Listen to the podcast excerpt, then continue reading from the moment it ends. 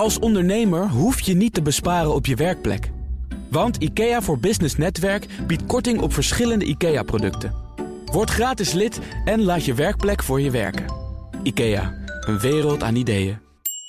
Een groot deel van de ZZP'ers wacht een financiële strop bij arbeidsongeschiktheid. HEMA wil de oceaan over om Noord-Amerika te veroveren. En Molly haalde met gemak tientallen miljoenen op. Allemaal onderwerpen voor het ondernemerspanel dat vandaag bestaat uit Dick van der Lek, directeur van DDB Unlimited. Hans Biesheuvel, voorzitter van ONL Ondernemend Nederland. En Talita van Ochtrop, oprichter van The Next Closet. Vandaag ook mijn zakenpartner. Welkom. Dankjewel. Hi. Wij beginnen met jullie eigen nieuws. En Hans, jij mag aftrappen. Nou, dat is mooi. Nou ja, ik heb uh, een drukke week achter de rug. Tot vannacht twee uur uh, op het Binnenhof geweest. Want ik dacht dat al. Te zien. Ja, je zag het hè? Ja. nee, het was de laatste dag van uh, voor het reces. En gisteravond kwam ik erachter dat de Kamerleden nu gewoon maar niet twee maanden met reces gaan. Toen dacht ik, ja, daar kan je als ondernemer toch heel weinig maar voorstellen. Dat je twee maanden de winkel zomaar dicht doet. Zeker. Dus ik dacht gisteravond, goh, laat ik eens even in onze ONL-app vragen hoe ondernemers erover denken. Nou, en maar liefst 20% zegt, ik kan überhaupt niet op vakantie. En de meeste, zeg maar 60, 70 procent. Nou, twee, maximaal drie weken. Dus dat is wel een groot verschil, zullen we maar zeggen. Maar He? denk jij dat uh, die Kamerleden uh, twee maanden lang helemaal niets gaan doen en op vakantie gaan? Of houdt zo'n reces toch ook echt iets anders in dan vakantie vieren?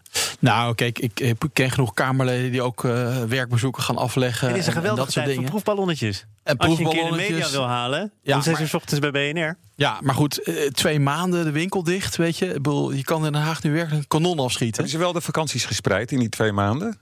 Uh, nee, nee, nee, nee. Ze zijn gewoon collectief twee maanden weg. Ook de ministeries, okay. uh, kan ik je zeggen, zijn heel rustig.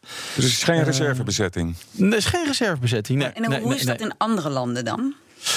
Geen idee. Ik moet eerlijk zeggen, daar heb ik niet op geconcentreerd. Nou, ik weet wel dat, maar... dat May op een bepaald moment, een bepaalde stemming, daar zijn er meerdere van geweest, wilde verplaatsen tot na het reces. En dat zou echt een vertraging ook van maanden hebben opgeleverd. Dus ja. ik neem aan dat we daar Europees gezien niet per nee, se uit de nee. pas lopen. Maar weet je, ik heb respect voor Kamerleden. Het is hard werken en zo. Dan gaat het maar even. Maar twee maanden, jongens, ja, kom op. Dat is wel heel lang, toch? Hè? Echt debiel. Ja. En, en, jij zegt dat uit jullie uh, app ook blijkt dat veel mensen überhaupt niet op vakantie gaan. 20% zegt, uh, daar heb ik echt geen tijd voor als ondernemer. Maar heel eerlijk, is het ook voor ondernemers vaak in de zomer een wat rustiger periode? Al was het maar omdat de mensen met wie ze zaken willen doen of hun gesprekspartners Zeker. wel op vakantie gaan.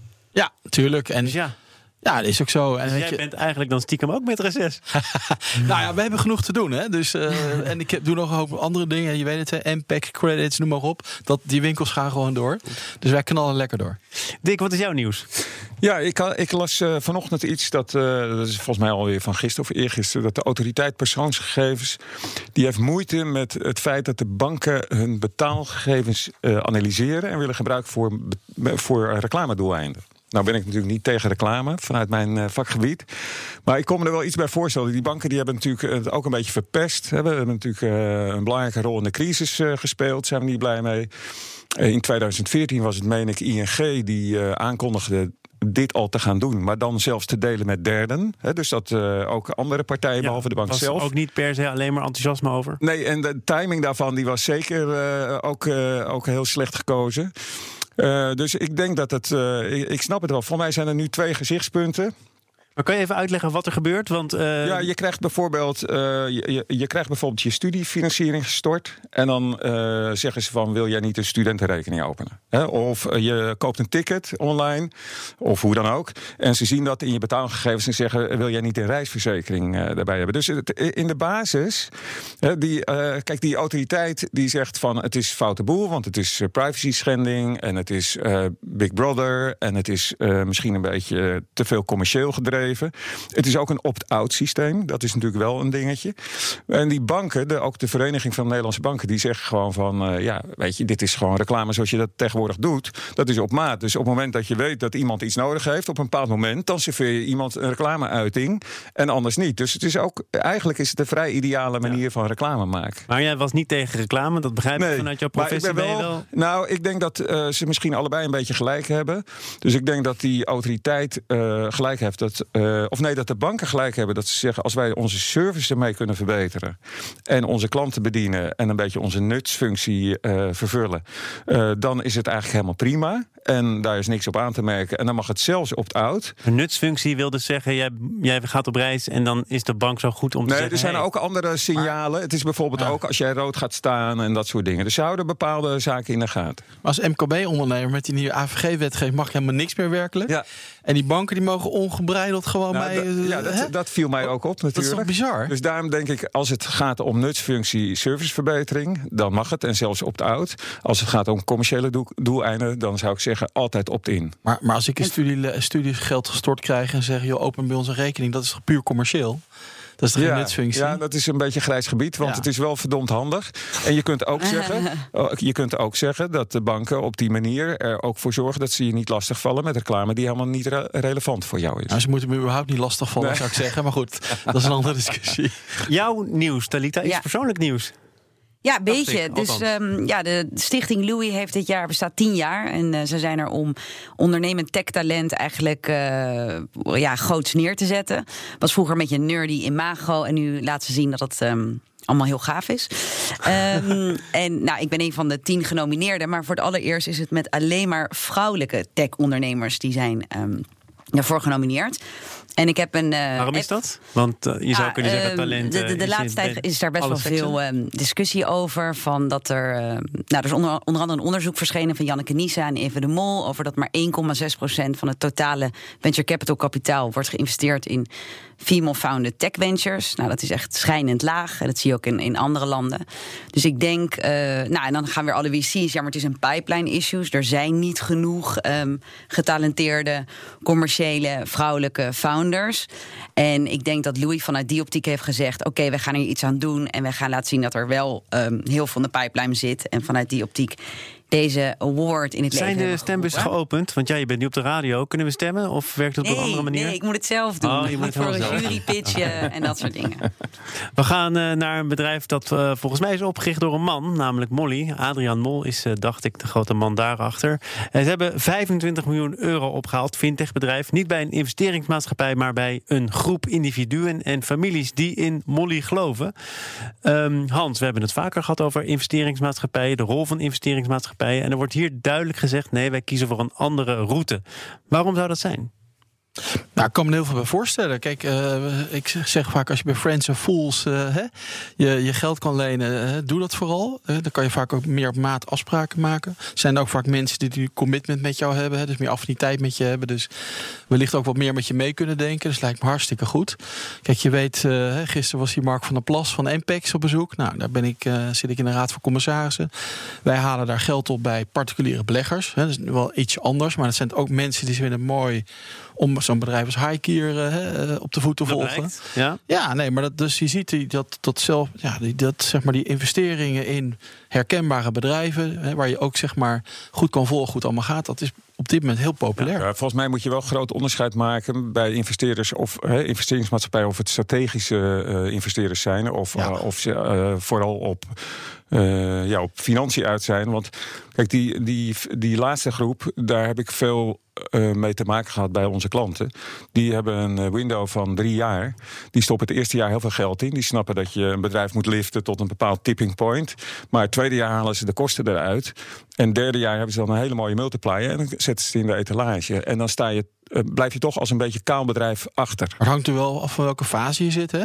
Kijk, Molly is nu heel snel groeiend. Hè? Ze hebben snel kapitaal nodig. Nou ja, als je dat dan bij bekende investeerders kan doen die je al jaren volgen, is dat natuurlijk alleen maar Nee, fantastisch. nee, nee, maar ik, ik, ik, Ja. ik vind het een heel mooi eh, bent verhaal. eigenlijk eerder kritisch op de Ik ben kritisch op de venture investerings- capitalisten, Ja, precies. uiteraard. En Ja. ik vind dit een, eh, een, eh, iets waarbij je voelt dat het dichterbij is. Die mensen kennen eh, het bedrijf, hebben meer geduld, hebben meer lange termijnvisie. Maar je hoort het bijna nooit meer. Ik ontvang hier veel mensen die geld hebben opgehaald. Volgens mij ja, ook een keertje Ja. Talita, want jullie hebben het ook gedaan. Ik hoor nou nooit mensen zeggen, nou wij zitten erin puur voor het geld. Het zijn altijd mensen die willen meedenken, die strategisch van belang zijn, die een bedrijf verder kunnen helpen. Het wordt, wordt nooit meer zo sec gezegd, binnen drie jaar sta je weer in de etalage. Nee, tuurlijk niet. Tuurlijk niet. Omdat, Maar in de dat, is dat wel zo. omdat het Ja. Slecht is voor de waarde van het bedrijf. Of de, ge- ge- eh, de- of, of de indruk die je maakt van die waarde. Eh, dus investeerders zullen altijd eh, de indruk wekken dat het voor een langere termijn is. Maar de praktijk is dat ze Ja. over het algemeen dat window van drie jaar hebben. Het, wat, wat is jouw overweging geweest bij het ophalen van geld? Want jullie hebben dat gedaan. Ja, nee, wij, wij hebben het geluk gehad dat wij het ook bij Informals hebben kunnen doen. en een fonds dat dan in circulaire business initiatieven investeerde. Um, nog even naar Molly terug. Ik denk dat het dat het een luxe positie is dat hij dit zo snel heeft kunnen doen.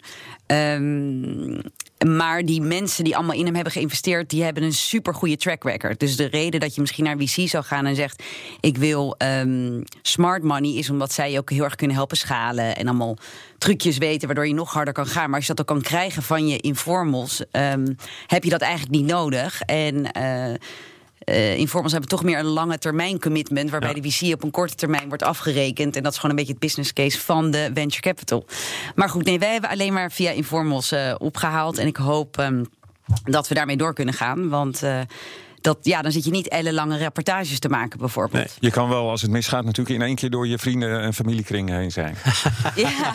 Nou, maar bij Molly gaat het volgens mij best aardig. Ja, dat is heel helemaal nemen. Wat, wat, wat zegt het nou eigenlijk dat hij zo makkelijk dat geld bij elkaar haalde? Nu dus op deze manier. Maar hij zegt, toen ik duidelijk had gemaakt dat ik geld nodig had, heeft het onafhankelijke, eh, onaf, onaf, onophoudelijke telefoontjes geregend van mensen die in wilden stappen. Uh, het is volgens mij geen geheim dat er gewoon heel veel geld beschikbaar is. Er is mega veel geld beschikbaar. En kijk, ik denk dat uh, in zijn geval, ik wil hem niet vergelijken met iedereen zomaar, maar hè, iedereen heeft Argent denk ik nog uh, voor ogen. 20 hè? miljard. Nou ja, dat is natuurlijk waanzinnig succesvol. Ik denk dat hij daar een klein beetje van profiteert. Uh, ik ken hem niet heel goed, maar ik heb hem wel eens horen pitchen. Dat kan hij buiten gewoon goed. Echt heel erg helder en, en strak neerzetten. Niet elk ondernemer gegeven. Hè? Hij bestond al tien jaar hè? en hij en maakt al winst. Hij ja, heeft een heel goed maakt winst, record. dus dat ja. is ook gewoon natuurlijk. Wij gaan praten over de HEMA, want 100 jaar geleden deden de HEMA-oprichters inspiratie voor hun eenheidsprijzenwinkel op in Noord-Amerika. En nu steekt het bedrijf onder de vlag HEMA Amsterdam de oceaan over om de VS en Canada voor zich te winnen. En dat gaat overigens heel behoedzaam, heel bedacht lijkt het onder de vlag van Walmart, die een belangrijke rol gaat spelen. Dick, ja. wat vind je ervan? Ja, ik vind het heel slim. Ik begrijp dat ze nog uh, gebukt gaan onder hele hoge schulden. En die moeten ergens uh, moeten die, afgelost worden. Nou, ik denk in Nederland hebben ze het best wel moeilijk. Hè, tussen de actions en de bol.coms. dus ik denk dat die buitenlandse operatie, dat las ik ook, dat die de schuldenlast langzaam maar zeker wat naar beneden brengt. Dus zet dat door. In Amerika is Walmart de aller, allergrootste. Dat is echt niet normaal. Er komen ongeveer 300.000 nee, 300 miljoen klanten, Amerikanen, per week in de Walmart.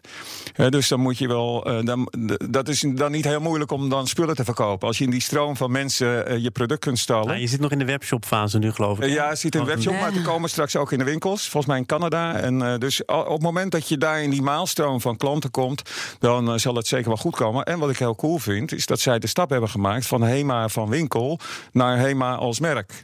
dus in Nederland dat de HEMA gewoon met een beperkt assortiment te, te, te koop is bij andere retailers zijn ze al nu bij Weekamp. Bij Weekamp, ja. klopt, klopt. Maar ik heb ze, dat is nog vrij uh, ja, overzichtelijk. Super recent, ja. Maar je, en heel recent. Maar ja, ik denk dat ze die uh, stap kunnen maken. Dat is ja. heel, uh, heel zegt nu HEMA. We moeten daar natuurlijk in Amerika van zeggen. HEMA Amsterdam. Amsterdam. Waarom zou je dat benadrukken, Hans? Nou ja, ik denk, ik, ik heb zelf een bedrijf gehad in Amerika en in Canada. Uh, in, Nederland kennen ze niet. Holland is een klein plaatsje in Michigan. Toevallig had ik daar vlak in mijn bedrijf. In Grand Rapids. Maar als je Amsterdam zegt, dan weet iedere Amerikaan waar je het over hebt. Oh, denk ze niet gelijk aan de HEMA, maar aan softdrugs allemaal dat soort dingen helaas. Maar goed, het is Amsterdam is natuurlijk wel een wereldwijd een begrip. Dus jij begrijp het heel goed. Absoluut. Wat was de naam van jouw bedrijf? Ja, wij verkochten Bouten Moeren en dat was business to business. Dus dat is. Uh, maar dat heet Metric Fasteners. Dus dat is geen naam die je echt hier makkelijk uitspreekt. Nee, Maar goed, uh, ik snap heel goed dat ze dat doen. Het gaat allemaal stapje voor stapje. Ik zei het al, vooral via die webshop. En in Canada komen er eh, fysieke winkels. Beginnen ze volgens mij met één winkel. Ja, je moet ergens mee beginnen. Moet je nou nog ook rekening houden met het feit dat het zou kunnen mislukken? Of is dit gewoon eigenlijk een garantie voor succes? Nou, ik ken de CEO van Hema een beetje. Daar praat ik af en toe wel eens even mee. En dit is, mij, is dat? Cheert, ja, een hele, hele slimme, slimme, goede marketeer volgens mij. Die inderdaad heel behoedzaam is. Uh, en die er heel goed over nagedacht heeft. Ik heb echt vertrouwen in hem, moet ik zeggen. Dus ik denk dat het een hele, hele weloverwogen slimme stap is. Ik en hij heeft ook een aandeelhouder daarbij die heel ondernemend is. Zeker. Laten we dat niet vergeten. Die nieuwe eigenaar bedoel je? Nieuwe eigenaar. Die is natuurlijk een, ja, die is natuurlijk mega succesvol. Heeft mega goed gevoel voor business. Dus ik denk dat dat wel goed zit. Uh, voor mij is er wel uh, één, ligt er één gevaar op de loer. Ze hebben natuurlijk relatief lage investeringen. Hè, want iemand anders doet het werk voor ze. Ze hoeven alleen de producten te leveren en een goed contract. En dat contract is wel iets, want Walmart staat wel bekend als een hele diepe onderhandelaar. Mhm. Vanuit hun grote omvang. En ik weet niet of je wel eens in een Walmart geweest bent, maar die zijn zo idioot groot. Hè. Dat gaat van uh, onze grootste supermarkt zeg maar, naar uh, drie voetbalvelden. En als je daar eenmaal met je product staat, is het nog maar de vraag of mensen je kunnen vinden. Ja. En dan moet je toch weer gaan investeren in advertising om er, mensen ervan bewust te maken dat ergens in die enorme Walmart ook uh, helemaal Amsterdam te vinden is. Nog één ander ding, want jij haalde het net aan. financieel gezien kan het met HEMA wel eens beter gaan dan het nu gaat. Hè? Ik bedoel, er moet nog veel gebeuren. Eh, die plannen over die Amerikaanse expansie werden bekendgemaakt, ook op de dag dat de cijfers naar buiten kwamen. Die vielen niet per se mee, meer omzet, maar nog steeds verlies ook. Is dit nou ook een afleidingsmanoeuvre? Nou, het, uh, ik denk uh, als er een probleem is en je kan de oplossing bijna tegelijkertijd presenteren, of een deel van de oplossing, dat lijkt me per technisch altijd lekker. Ja, is het, is het uh, ook zo dat je zou kunnen zeggen, jij zegt van het moet ook inderdaad vanuit het buitenland komen, dat zeggen meerdere retail-experts. Maar je zou ook kunnen zeggen: zorg nou eerst dat je het thuis helemaal op orde hebt. En ga dan verder nadenken over wat je in het buitenland allemaal ja, maar dat is wat, je, wat, wat Hans net ook zegt. We zijn natuurlijk maar een, eh, een mini-landje. Dus ik denk dat grote volumes die zullen toch uit het buitenland uh, moeten komen. En we zitten hier gewoon met een action waar bijna niet tegen op de box is. Ja, ik, dat vind ik een grappige gedachte. Want wij zijn expres hyperlocal, dus Nederland en België. En dan zie je dus ook dat een bol.com en een Coolblue die, die kunnen het ook. Dus je zou inderdaad wel de case kunnen maken van word winstgevend in je eigen land. Heb hem helemaal onder controle. Jazeker, maar Bol.com heeft nog nooit een euro winst gemaakt. Hè? Tot op de dag van vandaag. Ja, dus die, eh, dat is, ja, ja, dat is een beetje de vlucht naar voren. De investeren, investeren, groter worden. Want die zijn doodsbenauwd dat zometeen uh, Amazon op de markt komt. en dat kan je nu al via Duitsland bestellen. Maar die roepen al jaren dat ze hier echt gaan doorbreken. Ja. En die hebben zulke diepe zakken en zulke lage prijzen... dat ze daar toch wel voor beducht zijn. Nou ja, en Hema, vergeet niet, hè, is ook in Frankrijk bijvoorbeeld heel succesvol. Hè. Het gaat heel goed daar in Frankrijk. Dus ik snap. En daar hebben ze ook een hele moeilijke markt echt iets neergezet. Ik was vorig jaar in Lyon heel toevallig liep daar even een rondje en ik liep in één keer tegen een hele grote blokker op. Was daar hartstikke druk. Een grote dus, blokker? Of, uh, sorry, uh, Hema op. Frist, jongens. Pardon. Ik frist me even. Maar, um, maar ik bedoel, echt, ze hebben ze heel succesvol gedaan. Dus ik snap wel dat ze zeggen, nou ja, als het daar lukt, dan moet het in, uh, in Amerika ook kunnen lukken. Tot slot, niet verzekerd, niet aangesloten bij een broodfonds, geen spaargeld, geen beleggingen. Vier op de tien ZZP'ers is op geen enkele manier voorbereid op arbeidsongeschiktheid. En over de redenen, daar uh, lopen de meningen over uiteen. Sommige mensen zeggen dat die ZZP'ers de risico's niet zien. Anderen zeggen de premies zijn te hoog. Anderen zeggen de ZZP'ers die wachten lekker af tot, tot er een keertje duidelijkheid komt over hun lot. Hans, wat denk jij? Nou, kijk, weet je, die discussie gaat er heel lang. En het is natuurlijk wel een, een, een, een, een zeg maar gevolg van die veranderende arbeidsmarkt. De arbeidsongeschiktheid, pensioen. Vroeger werkte iedereen bij een, werkgever, had een arbeidscontract en dat werd op die manier geregeld. En we zijn nog steeds in al die discussies aan het focussen op de onderkant van de markt. En zorgen eigenlijk niet voor de oplossingen voor de, hè, voor de toekomst van die hele brede markt. Er wordt nu over nagedacht. Nou, de oplossing is in elk geval niet. De op, nou ja, goed, de oplossing in elk geval niet een verplichte arbeidsongeschiktheidsverzekering zoals in het pensioenakkoord is opgeschreven. Maar ik vind wel dat dat thema arbeidsongeschiktheid met elkaar nou een keertje goed en volwassen moet gaan. Waarom is dat per definitie niet de oplossing? Nou, dat is niet de oplossing, omdat één, het hoort niet in het pensioenakkoord thuis. Twee, dat is cosmetisch. Nee, nee, nee, dat is niet waar. Want er zitten gewoon de partijen waar het over gaat, hebben er niet aan tafel gezeten.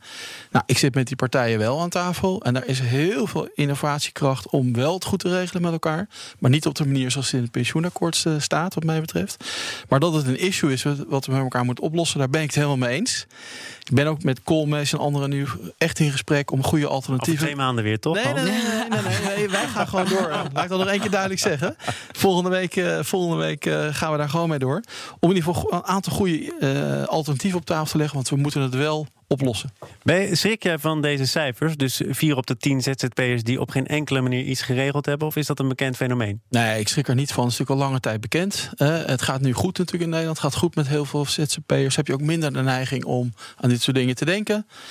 Uh, en als je het wil regelen nu via een verzekeraar, is het gewoon hartstikke duur. Dat, dat, dat, weten we allemaal. Daar zijn goede oplossingen voor. Maar, maar dan moeten we serieus een keer de tanden in Dat de oplossingen die nu gepresenteerd worden, eigenlijk vooral uitgaan van de onderkant. Ja. Dat is, als je deze cijfers ziet, toch ook volstrekt logisch.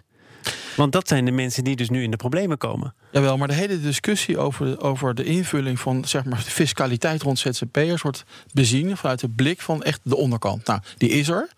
Ik ben ervoor om daar wat aan te doen. Laten we dat vooropstellen.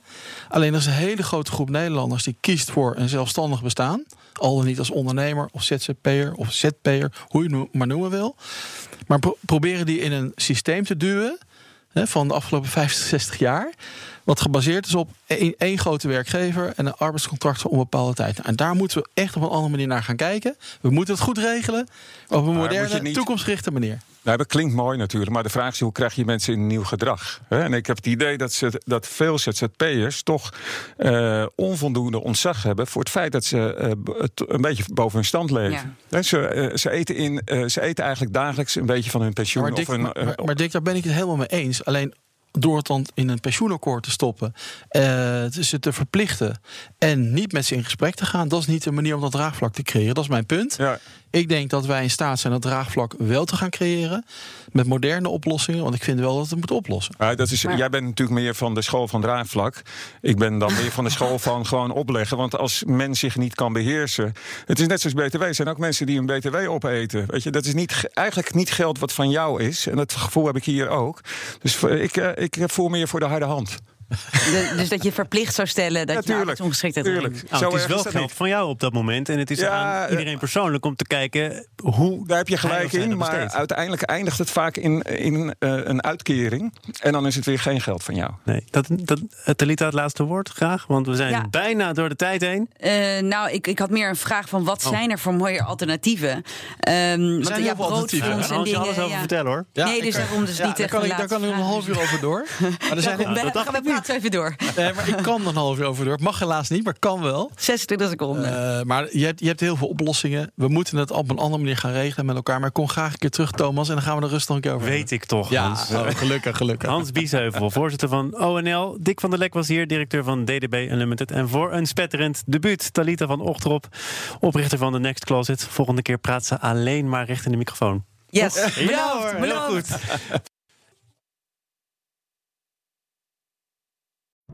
Als ondernemer hoef je niet te besparen op je werkplek. Want IKEA voor Business Netwerk biedt korting op verschillende IKEA-producten. Word gratis lid en laat je werkplek voor je werken. IKEA, een wereld aan ideeën.